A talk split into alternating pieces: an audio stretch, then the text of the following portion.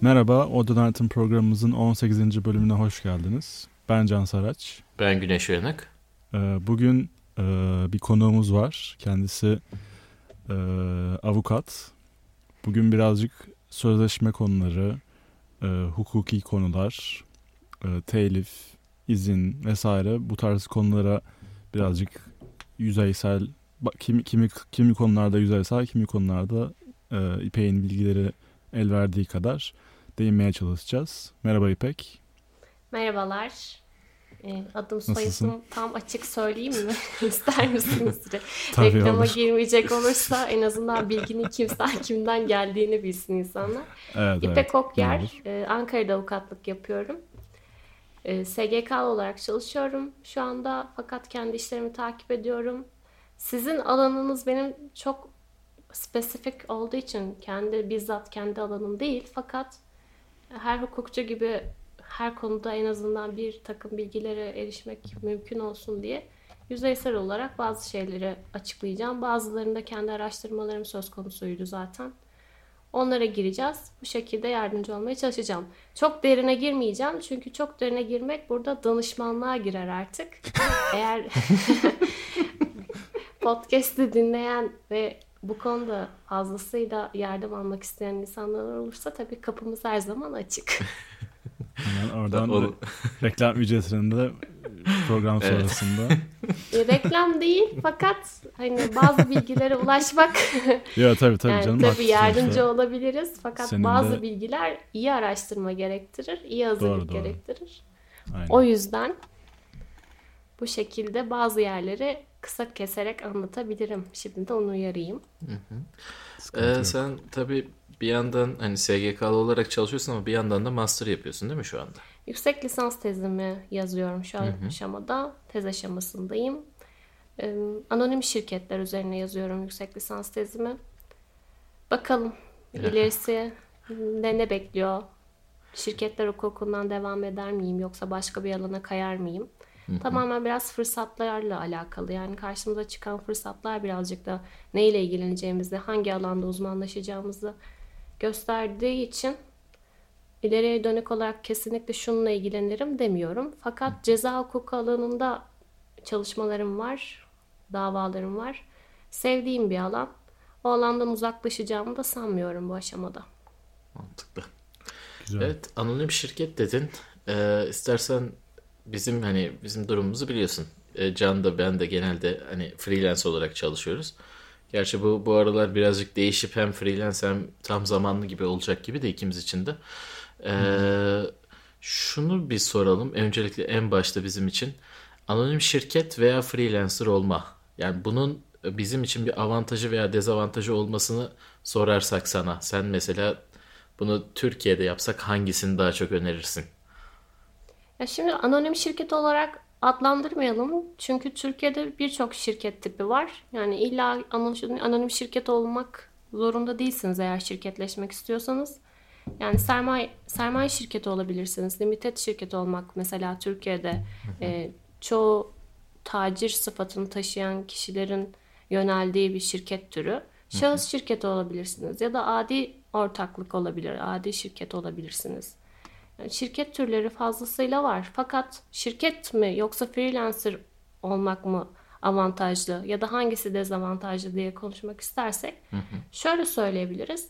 Şimdi şirketler şirketleşmek gerçekten markalaşma için önemli bir avantaj olacaktır freelancer'a göre. Çünkü freelancer düşündüğümüzde bir şahıs ve şahsın kendi fiilleri yani ifaları, eserleri söz konusu sizin için eser sözleşmesiyle çalışırsınız ve sonucunda sizin karşın, yani maddi bir karşılık elde etmek için bir eser ortaya çıkarırsınız. Bu sizin ses olabilir ya da başka miksajlama mı?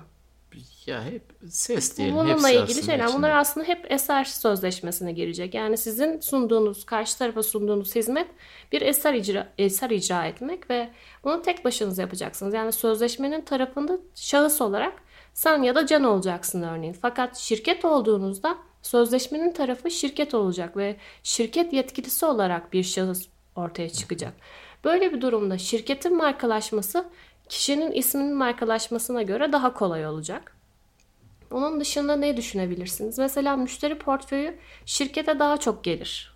Yani bir şahısı tanıyıp şahsa gelmektense müşteri daha çok ismi bilinen yani bir kurumsallık daha ulaşması kolay. Devlette de mesela şahıs mı şirket mi dediğinizde şirketler devlette daha çok iş yapar şahıslara göre.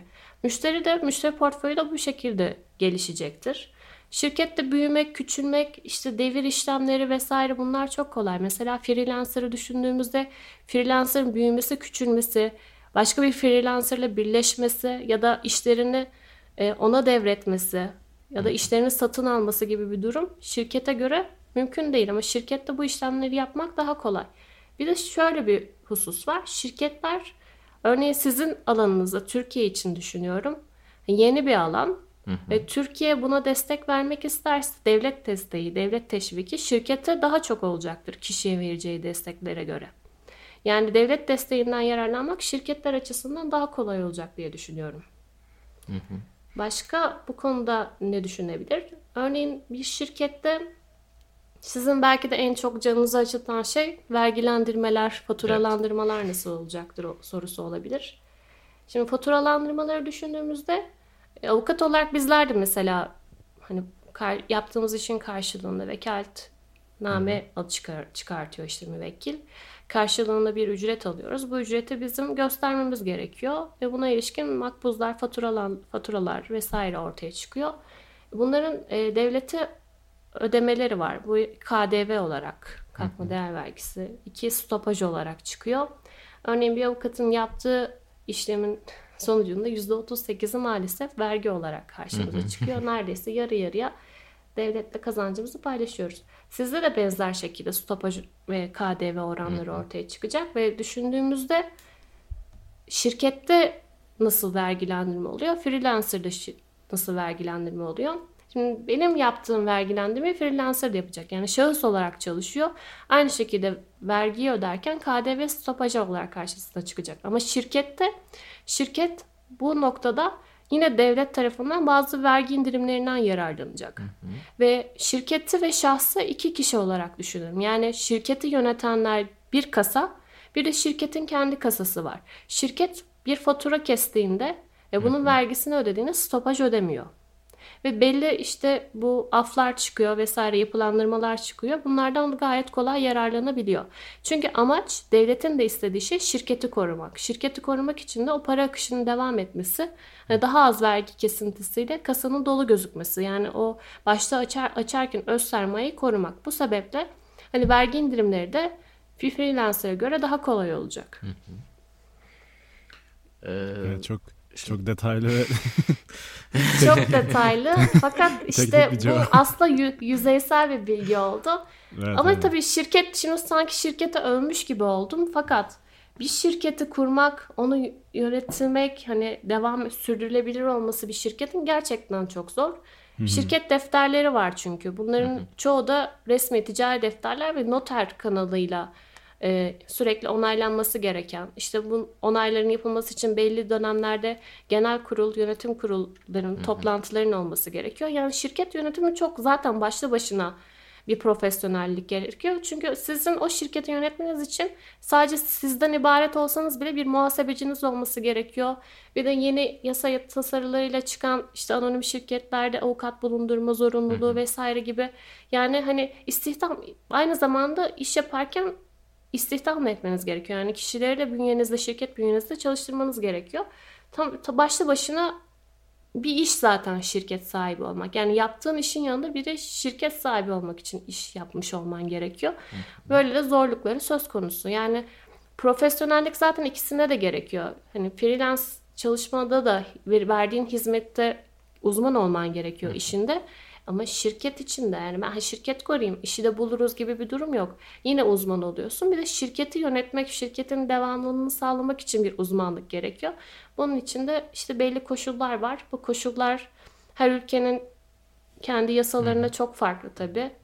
Bizim ülkemizde çok farklı. Çünkü mesela şirketi kurduk. Evet ama tabii ki bir devlet denetimine tabi olacağız. Mesela Ankara'da kurduk diyelim. Ankara'da ticaret odası var. Buna kaydolmak gerekiyor. Şirket içerisinde yaptığın her değişikliği neredeyse e, tescil ettirmen gerekiyor. İşte hı ticaret sicil gazetesi var. Ne bileyim hisse olabilir, pay verebilirsin birilerine ya da belli değişiklikler yapabilirsin sözleşmende. Bunların hepsini tescillemen gerekiyor. Bunların takibi gerekiyor. Bunların takibini şirketi hem sahibi olup hem bu işlemlerin ya, takibini yapman mümkün değil. Böyle bir durumda başka çalışanlarına ihtiyaç duyuyorsun. Hı hı. E bu da zaten hani zaten baştan büyük olmak gerekiyor bence. Mantıklı. Hedefleri Sessizlik. büyük tutup direkt zirvede başlayıp oradan hmm. devam ettim. Evet Can sanırım geçen hafta geçen bölümümüzün biraz daha sakin olması iyi olmuş. Bugün bayağı teknik girdik çünkü. Ya evet biraz teknik zaten hukuk çok teknik. Hani şey diyorlar ya herkes evet. Hukuk bilmeli, herkes kanun bilmeli. Böyle bir şey evet bilmeli ama böyle bir şey araştırıp okumadıkça mümkün değil. Hani şu an anlattıklarım gerçekten yüzeysel. Hani başka hukukçular belki bu podcast'i dinlediğinde ya çok şey basit kalmış söyledikleri diyebilir ama aslında hani hukukla haşır neşir olmayan bir insan için gerçekten teknik kalan şeyler. Hı hı.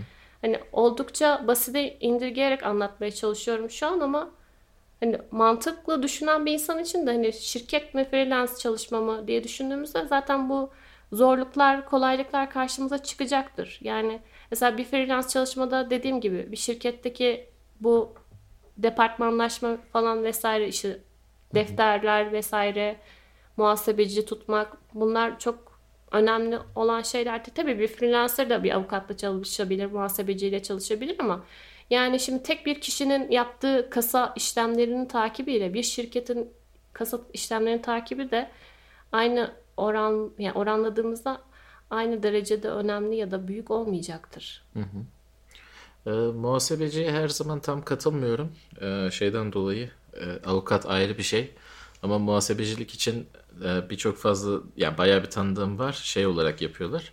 E, muhasebe apl- aplikasyonları kullanarak o işleri çözüyorlar ve genelde de şu ana kadar sıkıntı yaşamadılar. Tabii Türkiye'de her an yasa değişikliği falan olmasından dolayı avukat ayrı bir kategoride kalıyor. Evet. Can orada mısın? Buradayım. Can. Can arkadan şey açmış. Kanun falan açmış.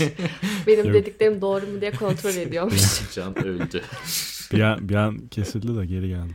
Ee, şirket ve freelancer'dan biraz bahsettik. Bundan önceki teknik konumuzda biliyorsun Can biraz şeyden bahsetmiştik. Hı-hı. Kontrat yapmadan bahsetmiştik. Evet. Hazır yanımızda avukatla bulmuşken. Ama bizimki bir, tabii e... çok daha şeydi. hani yani. Çok daha e, yabancı hukuka yabancı derme çatma evet. bilgilerle.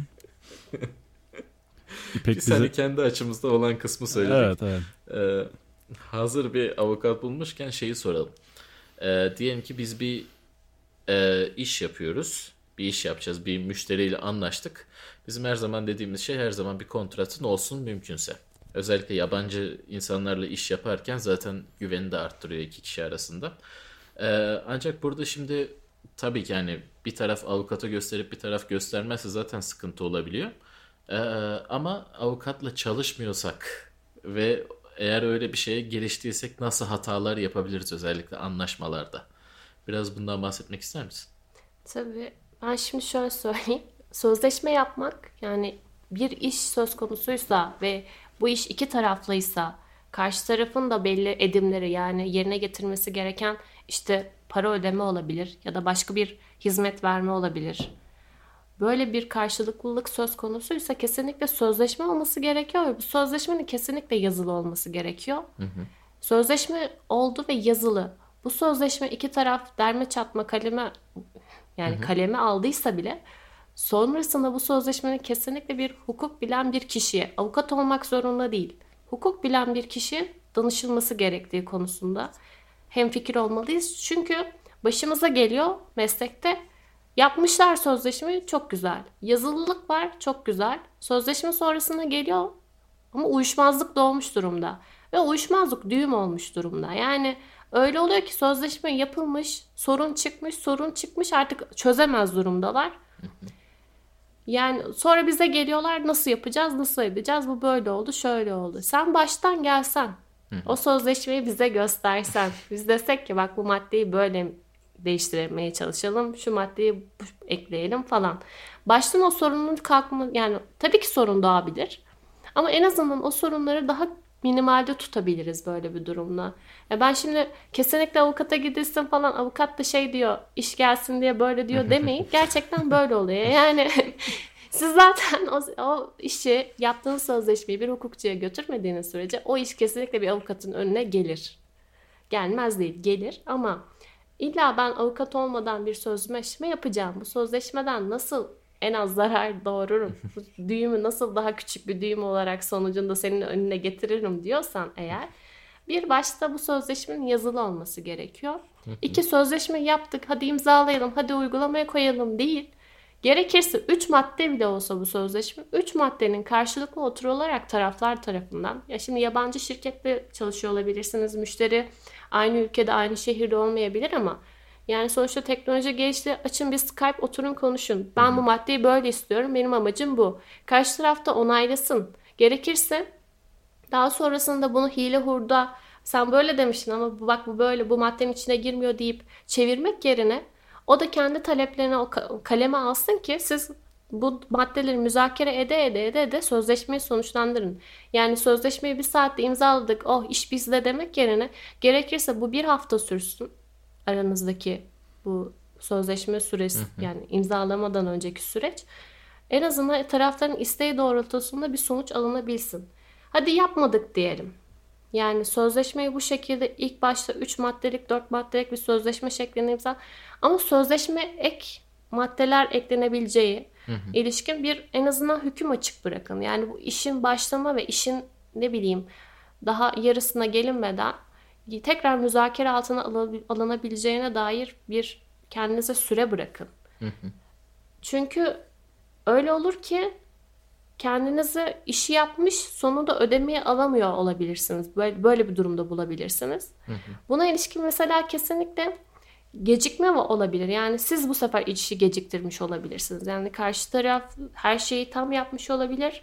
Ama sizden kaynaklanan sebeplerle iş zamanında olmayabilir. Böyle bir durumlar mesela ek süre talep etme gibi bir madde altın. Yani bu durumu koruyacak bir madde yazın. Ya da karşı taraf ödemede gecikiyorsa cezai şartları yazın. Tabii bunları dediğim gibi hani kişinin o sırada düşünüp de aman bak böyle olmuştu bunu da yazalım deme imkanı yok. Böyle bir durumda kesinlikle tekrar bir avukata başvurulması gerektiğini öncesinde yani sözleşmeye imzalar atılmadan öncesinde götürülüp konuşulup danışılması gerektiği konusunda hemfikir olmalıyız tekrar. Yani Onun şey... dışında şimdi tabi sor. şey sor. bir yerde bir noktaya değindin de ben onunla ilgili bir yorum yapacaktım. Hani bazen hani yeni başlayan hani sonuçta biz de oradan geçtik. Ee, hemen sözleşmeyi bir an önce imzalayayım, iş benim olsun, cebime koyayım mantığı hani e, bazen şey hani elinde başka bir iş yoksa veya o işi çok almak istiyorsan hemen imzalayıp e, benim olsun mantığıyla hani çok önemsemeden e, yapılabiliyor bazen.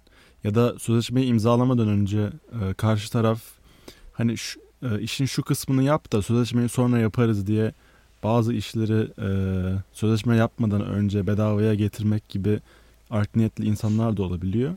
O tarz Hı-hı. konularda da ben çok e, insanların hata yaptığını e, gördüm. Hani ben de yaptım. O da önemli Hı-hı. bir nokta bence. Ya zaten bir yabancıyla tanımadığın, karşı tarafı tanımıyorsan kesinlikle sözleşme istersin. Fakat Hı-hı. tanıdığınla asıl istemen gereken yer o. Tanıdığın insanla sözleşme yapman gerekir. Çünkü güven ilişkileri her zaman böyle hani arkadaşlık ilişkileri iş ilişkisine döndüğünde her zaman eğer sözleşme koruyucu hükümler vesaire yoksa yani müzakere dönemi iyi yapılmadıysa problem çıkıyor ve güvene dayalı durumlarda, güvene dayalı iş ilişkilerinde daha çok problem çıkıyor. Yani o yüzden zaten biz şunu istiyoruz. Baban bile olsa sözleşme yap. yani kesinlikle öyle. Ve ben yeni yaşadım. Bir avukatlık sözleşmesi var bizim ücret sözleşmemiz.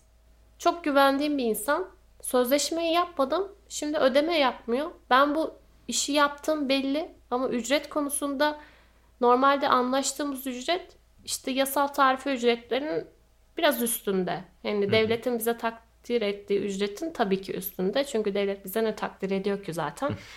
Öyle olduğunda ben mesela sözleşmede yani daha doğrusu sözlü sözleşmemiz var. Yazılı da istediğim ücret X diyelim. X'i isteyemiyorum çünkü ben, ben bunu kanıtlayamıyorum. O yüzden devletin verdiği X eksi binden mesela hmm. işi yapmış olacağım ve bunun işte gerekli takiplerini falan yapmam gerekiyor. Belli yerlere başvurmam gerekiyor. İşte güven sıkıntısı var. Yani güvendiğin insanla daha çok sözleşme yapman gerekiyor ve bu sözleşmenin içerisine kesinlikle kefil, teminat bu e, kurumlar var. İşte kefalet ya da teminat müesseseleri hukukta bunlar e, sözleşmenin içerisine kesinlikle konması gerekiyor. Yani eğer sonucunda sen o sözleşmedeki hizmetin eserini yerine getirip ödemeni alamıyorsan o kişiden alamıyorsan o kişinin kefil gösterdiği birine gidip o ücreti isteyebilir. Ya da bir teminat versin sana. Desin ki sen bu işi yaptıktan sonra ben şu kadar miktar ödeyeceğim ama ben bu miktarı ödemezsem hı hı. sen bankadaki şu işte teminat altına aldığım şeyi gidip alabilirsin desin mesela. Hani bu seni de korur. Karşı tarafın ödeyememe, karşı taraf büyük bir şirketse onun ödeyememekten doğan işte ortaya çıkacak o kötü imajını da korur bence. Yani bu iki tarafı da koruyacaktır. Sadece işi yapan ve sözleşmeyi kaleme alan taraf değil, aynı zamanda işi isteyen ve belki de sözleşmeyi kendisi kaleme almamıştır. Sadece imza atacaktır kontrolden sonra. Onu da koruyacaktır. Zaten mesela sen şey dedin, iş hemen benim olsun bir an önce. Sözleşmede ne kadar biz iki tarafı da eşit görsek de hiçbir zaman öyle olmuyor. Bir taraf bir taraftan daha zayıf oluyor. İşi isteyen taraf mesela daha zayıf oluyor. Ya da Hı-hı. işi yaptırmak isteyen mesela büyük bir şirket, büyük Hı-hı. bir oyun şirketi mi diyelim? Diyelim, mi? Bu oyun şirketine işi yaptırmak isteyen bir şirket düşünelim. Hangisi daha çok işi ister? Daha az bilinen. Hı hı. Yani daha az bilinen, ekonomik olarak daha az beklentisi olan bu sözleşmenin her zaman zayıf tarafıdır. O zayıf tarafının özellikle korunması gerekir. O yüzden kontratın olması Hı. ve bir şekilde kontrat varsa da bunun yazıya dökülmüş olması çünkü ispat bakımından önemli olacak. Hı. Yani ben her ne kadar sözleşmem var ama sözlü desem de ben bunu ispatlama noktasında problem yaşayacağım ve hukukta en büyük zaten problem hep eğer sorun mahkeme ortamına taşındıysa ya da tahkim yani tahkime gidecek diye anlaşılmış olabilir. Böyle bir durumda yazılılık olmaması ispatta problem çıkarıyor. Çünkü mevlalarda, küçük mevlalarda belki tanıkla ispat ettirebiliyorsun ama mesela büyük mevlalarda tanıkla ispat söz konusu değil. Hı hı. O zaman her zaman bir yazılı bir şeyler arıyoruz. Yani bir yazılı belge ve altında tarafların imzasının olmasını arıyoruz. Buna biz senetle ispat da diyebiliriz. Senet yoksa işte sözleşmeyle ispat da diyebiliriz. Bu zaten tarifeler biz ben Türkiye için konuşuyorum. Her yıl de- değişiyor. Mesela Türkiye'de en son 2019 yılında 3666 liranın üstündekilerde yazılı ispat, yazılı imzalı ispat kuralı var. E sen bu değerin üstündeysen sözlü bir sözleşmen varsa senin alacağının olduğunu ispatlama mesela büyük bir tehlikeye düşüyor. Hı hı. Alıp almama konusunda. Bu sebeple ne kadar zayıf tarafta olsan, işi bir an önce istiyor olan tarafta olsan, işi, işi yaptıktan sonra eline bir menfaat geçmiyorsa, sadece işi yaptın ve kalıyorsan, bırak o iş senin olmasın gerekirse ama sözleşme kısmını gerçekten iyi değerlendir diye düşünüyorum. Mantıklı. Ee, şeyi Hani merak ediyordum ama sen bayağı bir ondan bahsettin yine de sorayım. Ee, yazı hani dedin ki yani söz çok da önemli değil. Yazı asıl önemli ama e, bazı zamanlarda sanırım sözlü anlaşmalar da bazı yerlerde sayılıyordu diye hatırlıyorum. En azından yanlış hatırlamıyorsam. E, yasal mecralarda. Bunun bir özelliği falan var mı? Veya tanık gösterme gibi orada başka olan bir kişiyi göstererek kendini koruma şansın var mı? Yoksa kesinlikle ne olursa olsun her şeyin yazıya dökülmesi önemli mi? Yani tabii tanıkla ispat da mümkün olur. Ama dediğim gibi konu maddiyatı dökülüyorsa bu para eğer o dönemdeki yasal sınırın üstündeyse tanıkla ispat mümkün olmuyor. Yok diyelim ki hani 3600'ün altında. 3600'ün altındaysa bunu tanıkla ispat etmen kolay. Sözlü yazışma yani sözlü bir sözleşme var fakat aranızda mesela WhatsApp konuşmaları vardır ya da e-mailler falan atılmıştır. Bunlarla da ispat mümkün ama bu durumda bunlar eğer o parasal değerin üstündeyse sadece belge niteliğin yani delil niteliğinde belge olarak karşımıza çıkıyor. Direkt delil diyemiyoruz. Tabii ki hiçbir işin bizim direkt hani mahkemeye taşınması istediğimiz bir sonuç değil. Öncesinde işte bir uyuşmazlık var ve taraflar birbiriyle hala iletişim halinde birbirlerini kaybetmek istemeyen taraflarsa fakat ne bileyim mesela şirketin ekonomik durumu o dönemde sarsıntıdaysa ya da sizin iş yoğunluğunuzdan dolayı işi geç teslim etme durumunuz söz konusuysa bunların hani direkt uyuşmazlığı mahkeme, hakim önünde ya da tahkim, hakemler önünde çözmeye gidilmesinden önce oturup hani bir görüşme, bu tarafların işte vekilleriyle de olabilir, toplu bir toplantı şeklinde. Bu aşamada çözülmesini sağlamak daha önemli olabilir. Belki sizin daha öncesinde imzalamadığınız yani yazıya dökmediğiniz sözleşme tekrar kaleme alınıp bu sefer yazılı bir hale Hı hı. Belli süreler konularak, işte cezai şartlar konularak, tarafların zararları giderilerek tekrar bir sözleşmesel dönemi korumak amacıyla tarafları iki yani bir araya getirip iki tarafın da istekleri doğrultusunda yeni bir döneme geçilebilir hı. belki. Ama tabii bu tarafların ne kadar medeni olduğuyla alakalı. Genelde bir taraf çirkinleştiğinde diğer taraf daha da çirkinleşiyor. Genelde bu iş hemen pat mahkemeye taşıyalım. İşte orada görürsün sen Bak neler yapacağım sana. İşte bu tazminata da isteyeceğim, şunu da isteyeceğim. Böyle bir şey mümkün değil. Yani zaten mahkeme senin maksimum zararın neyse o kadarını hükmeder. Daha fazlasını hiç kimseden hiçbir şekilde ne sen alabilirsin ne sana hani acısa bile hakim veremez. Böyle bir durum yok.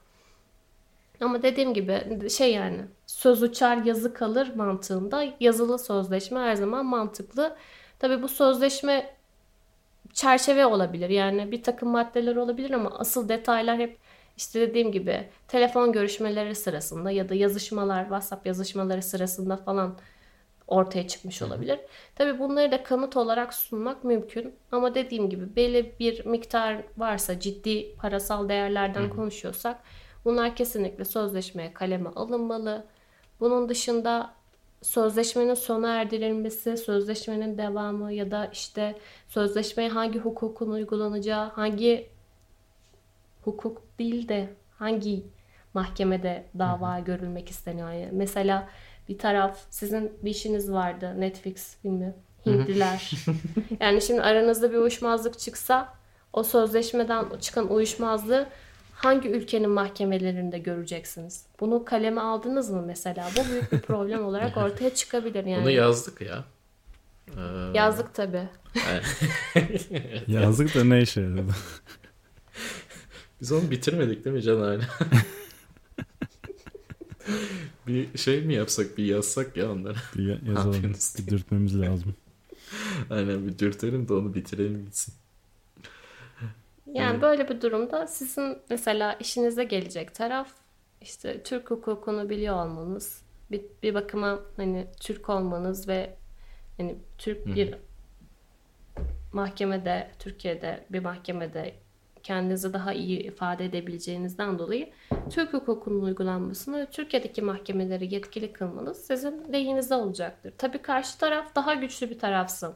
Yani size işi veren asıl işveren gözüken tarafsa o zaman o da tabii ki kendi ülkesindeki hukuku uygulamak, uygulatmak isteyecek ama bu noktada işte dediğimiz o sözleşme öncesi dönem, müzakere döneminde bunlar konuşulup kaleme alınırsa iki tarafında hani en azından zayıf, güçlü taraftan çok o ortak noktaya gidilmesi iki tarafında lehine olacaktır. Çünkü iki tarafta bu sefer kendi isteğini, asıl isteğini kaleme aldırmamış olacağı için o uyuşmazlığın o yöne gitmesinden de çekinecektir. Çünkü bir dava süreci demek Türkiye'de özellikle maalesef en az 3, 4, 5 yıl süren e, zaten çoğu insan şunu diyor yani artık bitsin de ben paramdan da vazgeçtim, ondan da vazgeçtim falan deniyor.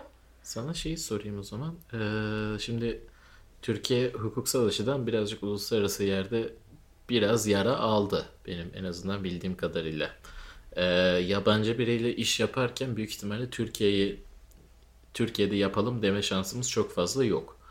Ee, ama onların ülkesini de diyelim ki istemiyoruz. Mesela ben de Hindistan'da o örneği daha önce verdiğimiz için Hindistan mahkemesiyle ilgili bir işlem yapmak istemiyorum.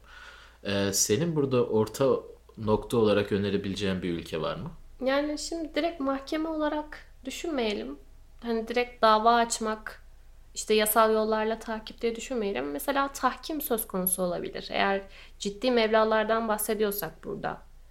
Tahkime gidilebilir. Tahkim mahkeme yolundan çok ayrı bir yani çözüm hı hı. Uyuşmazlık yolunu öyle söyleyelim. O bu durumda tabii ciddi rakamlardan bahsetmek gerekiyor. Çünkü mahkeme yoluna gitmek, dava yoluna gitmekten daha pahalı bir yol. Hı hı. Ama daha objektif olduğu da inanılıyor. İşte daha hızlı bir çözüm yolu olduğuna inanılıyor. İşte hakemler oluyor. Genelde tarafsızlığı sağlamak için 3 hakem seçiliyor. Bir hı hı. taraf kendi hakemini, diğer taraf kendi hakemini seçiyor ve iki tarafın seçtiği hakemler bir ortak üçüncü hakem seçiyor. Yani bunlar pahalı fakat daha hızlı çözüm alınabilen, daha objektif olduğuna inanılan yöntemlerden biri uyuşmazlığı çözmek için. Ama deniyorsa illa ben dava yoluyla takip edeceğim. Yok işte şöyle olsun böyle olsun ben hakim görmek istiyorum. Aman kor işte mahkemeye çıkıp kendimi savunacağım. Avukatla temsil ettireceğim vesaire diyorsanız. Bu durumda yine şöyle bir sıkıntı var. Türkiye'yi kabul ettiremiyorsanız bir yabancı ortak ülke bulacaksınız büyük hı hı. ihtimalle Hindistan dışında. Onlara en yakın ve size en yakın ülkenin hukukunu ve ülkenin mahkemesinde yargılama istiyorsanız yine oradan bir büyük ihtimalle avukatlık hı hı. bürosu mu artık çalışmanız gerekecek. Çünkü Türkiye'deki kalifiye durumu düşündüğümüzde gidip de orada sizi temsil edebilecek durumda yani o bar, oranın barosuna üye olmak vesaire düşündüğümüzde oranın hukukuna iyi bilmek. Hı hı. Bunlar çok düşünüldüğünde olmayacak şeyler değil ama gerçekten şimdi oradan birini, oradan sizi veka, vekaleten temsil edecek birini bulmanız gerekecek. Ben olsam Türk olup Türkiye'yi kabul ettiremiyorsam İsviçre'yi kabul ettirmeye hı hı. çalışırdım.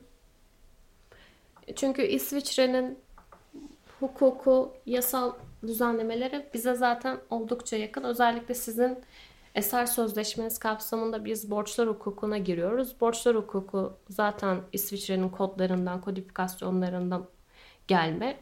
Böyle bir durumda İsviçre'yi tercih ederdim. Kesinlikle. Hı hı. Mantıklı. Ee, o zaman İpek sana şöyle bir soru sorayım. Ee, diyelim sözleşmemizi yaptık. Karşılıklı mütabakata vardık. Her şey yolunda gidiyor. Fakat e, yürümedi. Paramızı vermiyorlar. Hani e, sıkıntı çıkarıyorlar vesaire vesaire. Hani ne kadar e, bir kontrat kontrata sahip olmak pratikte ne kadar işimize yarıyor? Hani kontratım var ama adam yine de ödemiyor. Dava açsam işte avukat masrafı şu bu carçurt. Hani bir kontrat sahibi olmak gerçekten e, bizi kurşun geçirmez bir yelek giydiriyor mu? Şimdi şöyle müşteri var karşında ve senin paranı vermiyor. Ve kontratın var ve kontratın mükemmel düzenlenmiş durumda mı? Evet. Yani aramızda yani anlaştık. Sıkıntı yok. Evet. Bana ödemesini ödeme yapması gereken tarihte ödemiyor.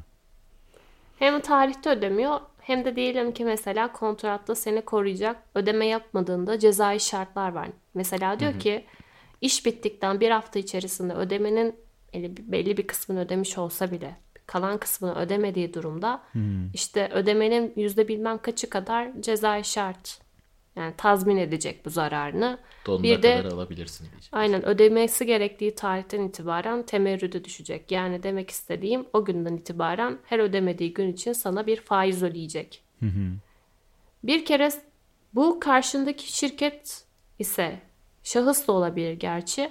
Hı hı. Ve batık değilse yani borçlarını ödeyebilecek bir e, sermayeye sahipse, hı hı. maddi duruma sahipse sen bu kişiye yönelmen her zaman mümkün. Ya parası olmasa da yönelmen mümkün yasal yollarda da bir şey çıkmıyor. Yani keşke çıksa ortada bir şey yok. Yaptığın masrafla kalıyorsun. Hani şöyle olabilir. Bizde var Yaptık takiplerimizi. Adamda 5 kuruş para yoktu yıllar önce. İşte yeni bir araba almış. Biz direkt arabaya haciz koyduk mesela. Yani o zaman da bekliyorsun. Yani zaten eğer iş gerçekten artık yasal yolla takibe geldiyse hı hı. bekleyeceksin. Sabır taşına dönüp bekleyeceksin. Ama dediğim gibi eğer bu batık bir şirket değilse, batık bir kişi değilse karşındaki kontratın olması seni her zaman korur. Çünkü kontratla beraber davanı açabilirsin. İşte Türkiye'den bahsediyorsak icra takibine gidebilirsin meblağ için. Böyle bir durumda zaten işlemler senin her zaman lehine olacaktır. Çünkü senin arkanda kontratın var ve kontrat seni ko- koruyan, senin söylediğin şeylere delil teşkil eden bir belge. Hı hı. E, karşı taraf benim böyle bir borcum yok dese bile sen o belgeyle yani sözleşmeyle gittiğinde senin lehine bir sonuç çıkacak ve sen o çıkan sonuçlar doğrultusunda kişinin mal varlığına işte gerekirse haciz işlemleri uygulayarak gidebileceksin ve bir kişi ne kadar şirket de olsa işte şahıs da olsa işte çok fazla ticari ilişkisi falan da olsa iş mahkemeye taşındığında korkuyor, çekiniyor. Çünkü adliyeler gerçekten çirkin ortamlar. Öyle yani hastaneler ne kadar kötüyse adliyeler de o kadar kötü. İnsanı gerçekten psikolojik olarak görüyor. Belki bizler hani avukatlar olarak farkında değiliz. Girip çıkıyoruz falan ama fakat hani haklı bir durumda bile olsan kendini savunan bir durumda bile olsan mesela haklı haklı olduğunu biliyorsun. Elinde yeterli donelerin, ispatların mümkün. Hani ispatlayabilmen için delillerin var. Böyle bir durumda bile adli ortamı seni her zaman mutsuz ediyor. Çünkü çok gergin bir ortam ve sen haklı olmana rağmen haklı olduğunu ispat etmeye çalışıyorsun. O da ilişkin masraflar yapıyorsun. Karşı taraf haksız bunu biliyor mesela kontrattan ortaya çıkıyor bu haksızlığı. Oraya girip çıkması ona gerçekten büyük zarar veriyor. Belki daha yolun başında evet benim böyle bir borcum var ben ödüyorum diyebilir sana karşı. Hı hı. Ya da işte işlemleri sonuna kadar götürürsün o da yıpranır yıpranır yıpranır çat diye ödeyebilir.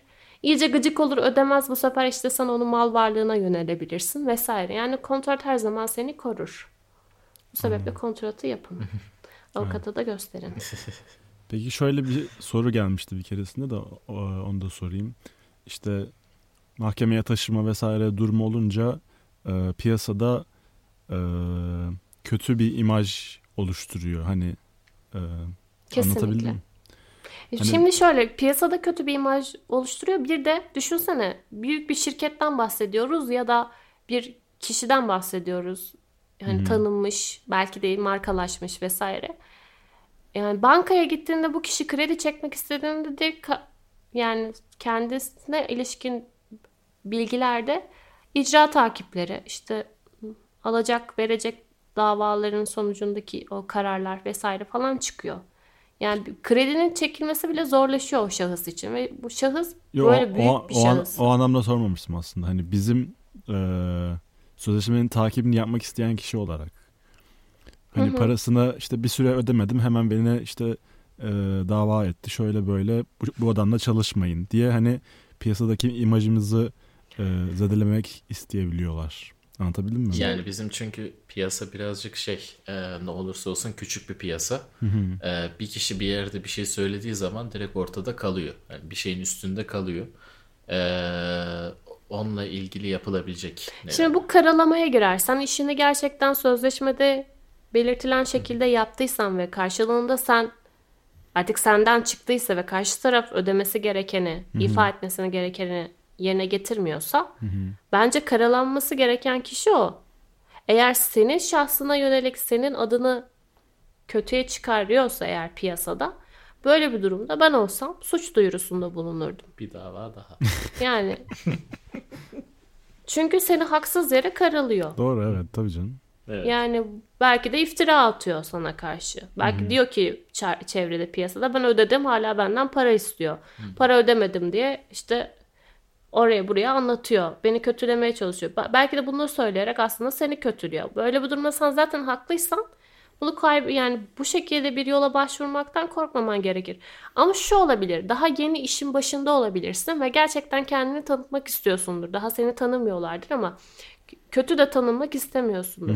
e, aynı zamanda o müşteriyi de kaybetmek istemiyorsundur. Yani sana bir daha iş verme durumu olabilecek potansiyel olan bir müşteri ise sen onu baştan sıkıştırmak istemiyorsan böyle bir durumda senin maddi hani alacağın para mı senin için önemli yoksa bir dahaki sefere o müşteri ya da müşterinin bağlantılarıyla, bağlantılarıyla çalışmak mı önemli? Yani gelecek bağlantılar mı önemli yoksa işte kazancın mı önemli?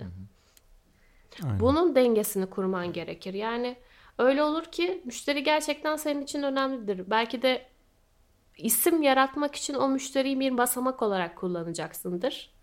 Böyle bir durumda müşteriyi kaybetmemek adına belki biraz bekletebilir. Anladım. Müşteriye karşı hani süre tanınabilir. Hani ben olsam müşteriyi de kaybetmek istemiyorsam ama belli bir süre sonra da parayı kazanmak istiyorsam müşteriden müşteriye şöyle bir teklifle gidebilirsin.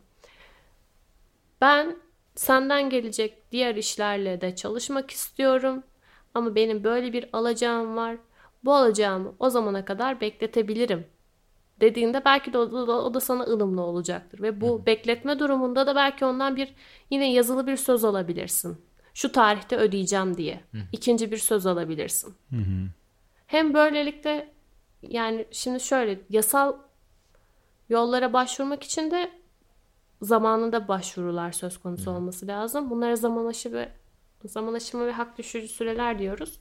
Senin bu süreleri de kaçırmamış olman gerekiyor. Yani senin bir alacağın var evet ama yıllarca o alacağını ilişkin herhangi bir işlem yapmadıysan, bir yasal yola başvurmadıysan süre geçtikçe sana alacağını almaktan aslında süreden dolayı feragat etmiş oluyorsun. Mesela 10 yıllık bir zaman aşımı söz konusuysa genel zaman aşımından bahsediyorum.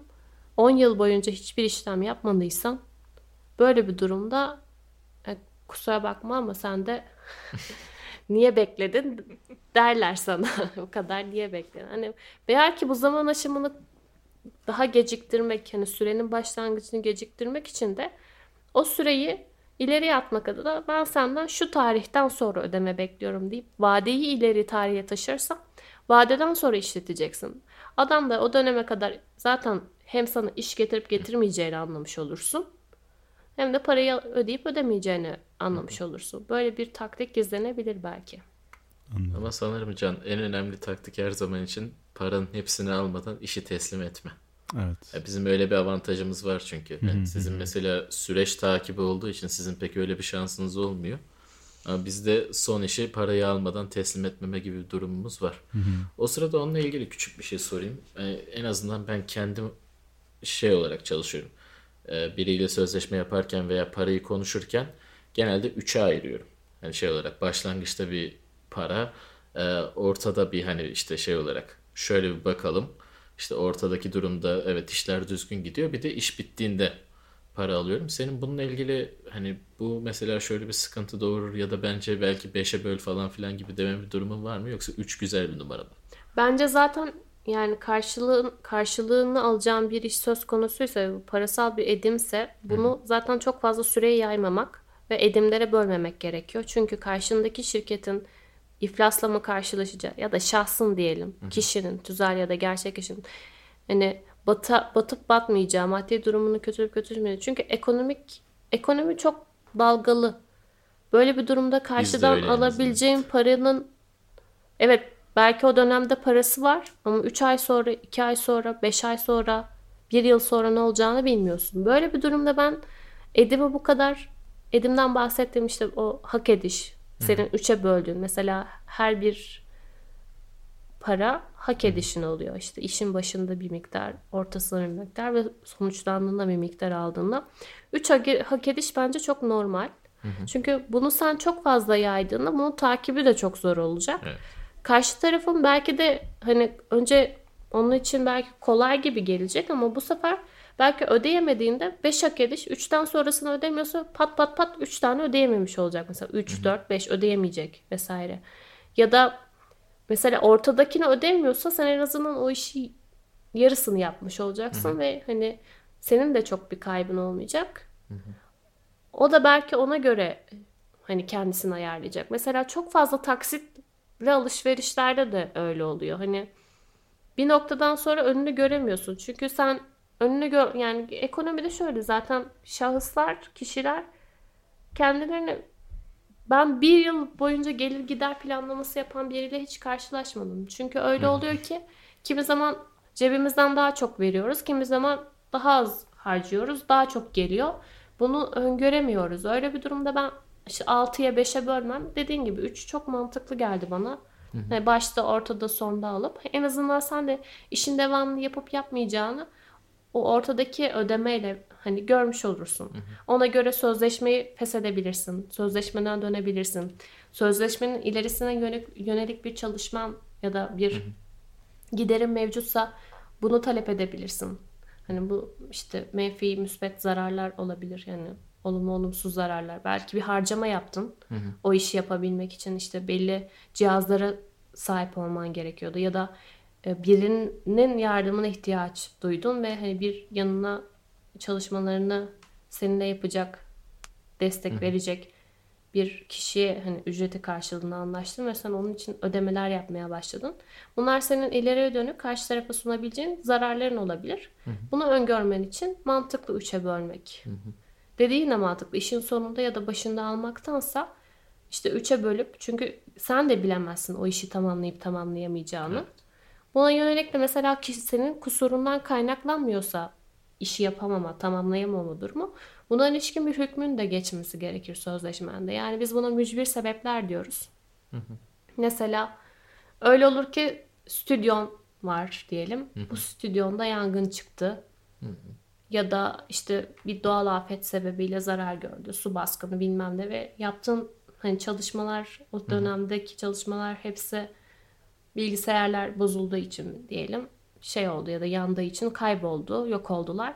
Böyle bir durumda seni koruyacak bir şeyler olması gerekiyor. Tabii ki sigortan vardır, sigortalamışsındır kendini fakat bunu sözleşmeye geçirmek çok önemli. Yani işte bu tarz durumlarda, mücbir sebeplerde, senden kaynaklanmayan, senin kusurun olmayan durumlarda senin tazminat ödememen ortaya çıkmalı. Yani senin bunu ortaya çıkacak, karşı tarafa çıkacak zararı senden kaynaklanmadığı için ödememen için bir hüküm koyman seni her zaman koruyacaktır. Aynı şekilde karşı tarafında mesela o dönemde eğer ödememesi, parayı verememesi onun ondan kaynaklanan bir durum değilse ne bileyim bankalara bloke konmuş ve bu işte devletin o dönemki işte ambargosu vesaire gibi durumlardan olabilir. Yurt dışı yurt içi para akışını yasaklamış olabilir o dönemde. Buna blokalemiş, dur, durdurmuş olabilir vesaire kendisinden kaynaklanmıyorsa bu gecikme o onu da koruyacaktır mesela. Buna ilişkin maddeleri düzenlemek her zaman zaten sözleşme sadece tek bir tarafı korumak için iki tarafı korumak için de yapılan bir işlem. Bu böyle bir maddeyle iki tarafında hani kendisinden kaynaklanmayan durumlarda ortaya çıkacak sonuçlarda bir tazminata hükmedilmemesi açısından koruyucu bir hüküm olacaktır diye düşünüyorum. Hı hı.